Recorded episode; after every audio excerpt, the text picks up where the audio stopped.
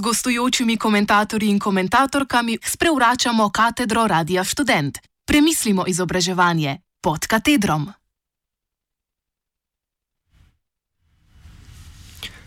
Ljubitelji družboslovnih strok. Danes v oddaji pod katedrom objavljamo komentar gibanja ljubitelji družboslovnih strok FDV-jevske opozicije uveljavljeni študentski politiki.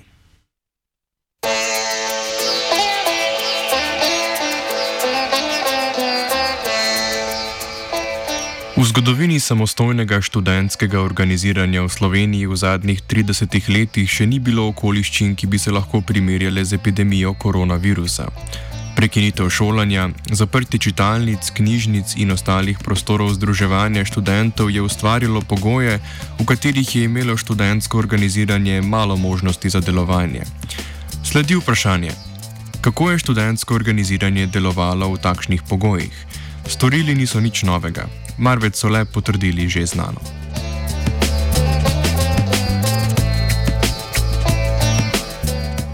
Zapuščina francoskih študentov, ki so leta 1966 izdali pamflet z naslovom Obedi študentskega življenja, še kako dobro razloži tudi današnje aktualno študentsko organiziranje. V tekstu, ki so ga izdali v zborniku Situationist Anthology, pišejo: citiramo. V naši družbi obilja je študent še vedno berač. Kljub temu, da več kot 80 odstotkov študentov izhaja iz razredov nad delovskim, jih ima 90 odstotkov manj denarja kot najslabše plačani delavec. Študentska revščina pa je še kar anarhonizem oziroma anahronizem družbe spektakla. Konec citata.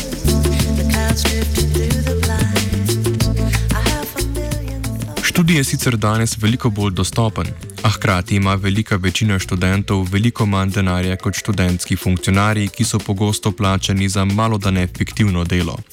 Kot mnogo drugih srečnežev, ki jih virus ni nesramno pahnil v delo na čakanju ali celo izgubo dela, so tudi študentski funkcionarji v času epidemije svoje delo enostavno zamenjali z delom od doma.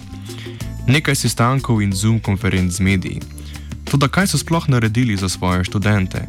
Žurov in ekskurzij namreč niso smeli organizirati.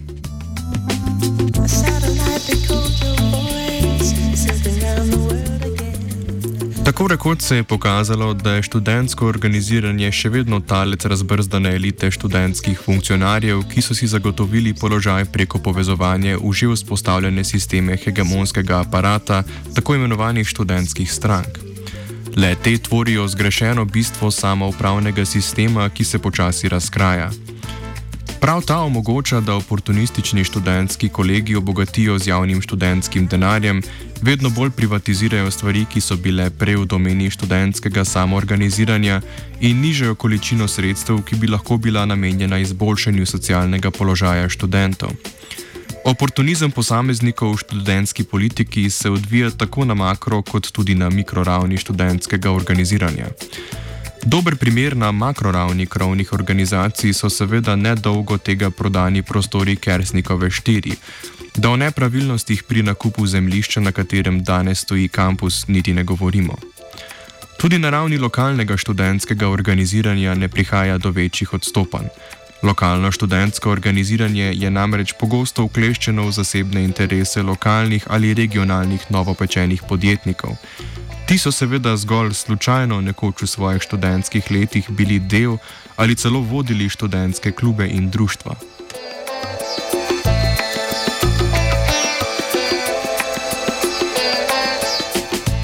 Morda je kriva univerza, ki iz generacije v generacijo ne prenaša štafete študentskih načel, temveč če dalje bolj podlega interesom trga, ki univerzo izkorišča. Znanje postaja namreč vse bolj privatizirano. Obenem pa ugaša njen revolucionarni naboj predrugačanja družbenih pogojev. Seveda celotne krivde ne moremo zvaliti zgolj na univerzo in študentske oportuniste, ki vidijo v študentski politiki velik vir dobička. Krivi smo tudi študenti, ki proizvajamo kolektivno pasivnost ob študentskih volitvah na matičnih univerzah. Številke volilne udeležbe so tako zanemrljivo majhne, da prekašajo celo podobno bedo udeležbe parlamentarnih volitev. Na zadnjih volitvah v Ljubljani je udeležba le stežka presegla 6 odstotkov.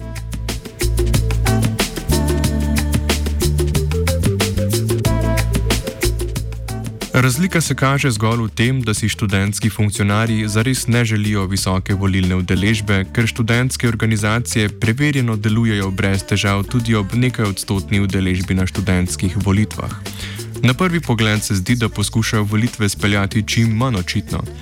Volitve so napovedane zgolj na neobiskanih spletnih straneh, roki za prijavo pa so postavljeni na konec septembra, ko večina študentov z mislimi verjetno še ni pri fakulteti, kaj šele da bi spremljala volilne roke za študentske volitve in se povezala z ljudmi iz fakultete ter zbrala dovolj oseb za listo na kandidaturo oziroma za kandidaturo. Tako večinoma kandidirajo samo že ustaljene študentske stranke. Na zadnjih volitvah so imeli študenti na vseh fakultetah, z izjemo fakultete za družbene vede, le eno opcijo. Uveljavljene stranke so si med seboj pač razdelile rajone.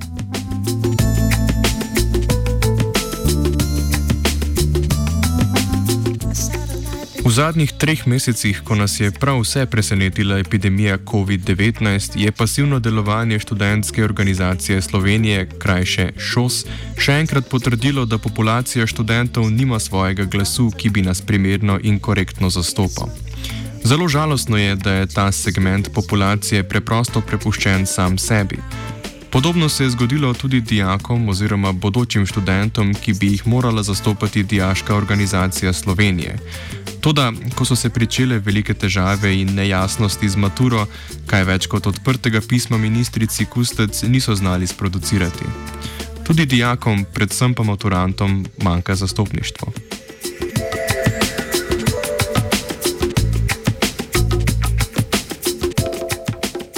Nujno je spoznanje, da so v preteklosti posamezni študenti prostovoljno dopustili razvrednotenje univerze in študija. Dober dokaz so preoblikovanje programov na posameznih fakultetah, ki so sledila bolonski reformi. Prišli bodo časi, ko bo diplomsko delo le še bled spomin. Morda bi bilo treba kreniti po isti poti kot denimo srpska kolegica Ena Nedič, ki je pred parlamentom v začetku maja zažgala svojo diplomo in spričevala kot znak upora proti koruptivnosti srpske vlade. Srbski zunani minister namreč ne zna niti enega tujega jezika, kar je za nekoga, ki ima pomembno vlogo v zunani politiki, skoraj da nespremljivo.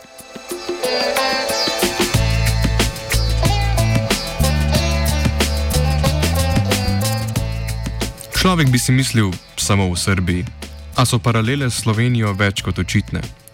Poglejmo zgolj na slovensko ministrstvo za okolje in prostor, kjer električar upravlja s prihodnostjo naše države.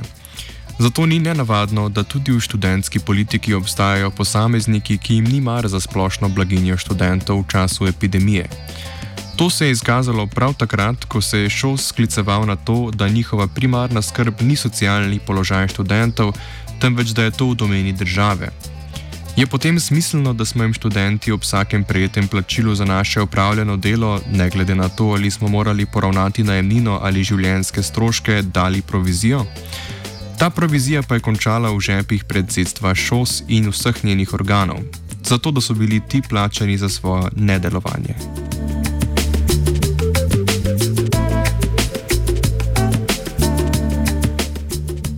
Si res želimo, da nas predstavlja nekdo, ki se je potredil državi in v imenu vseh nas sprejel dejstvo, da bomo kot kompenzacijo za nastalo škodo pandemiji sprejeli borih 150 evrov in bili zadovoljni?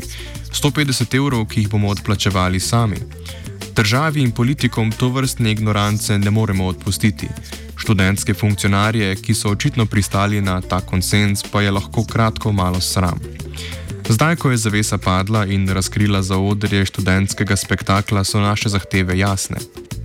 Zahtevamo demokratičnost odločevalskih procesov v študentskem organiziranju, kar s šestodstotno volilno udeležbo pač niso. Zahtevamo transparentnost delovanja študentskih organizacij, gre za naš denar in njihove žepe. Zahtevamo odgovornost študentskih funkcionarjev, kakor si dobro delo zasluži hvale, mora za napake ali še huje zla dejanja nekdo odgovarjati.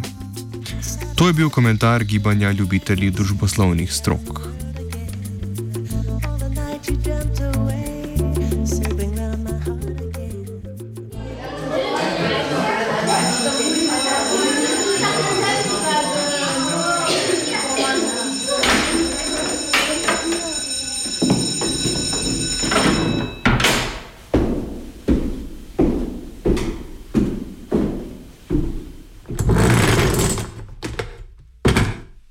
Gostujočimi komentatorji in komentatorkami sprevračamo katedro Radia Student. Premislimo izobraževanje pod katedrom.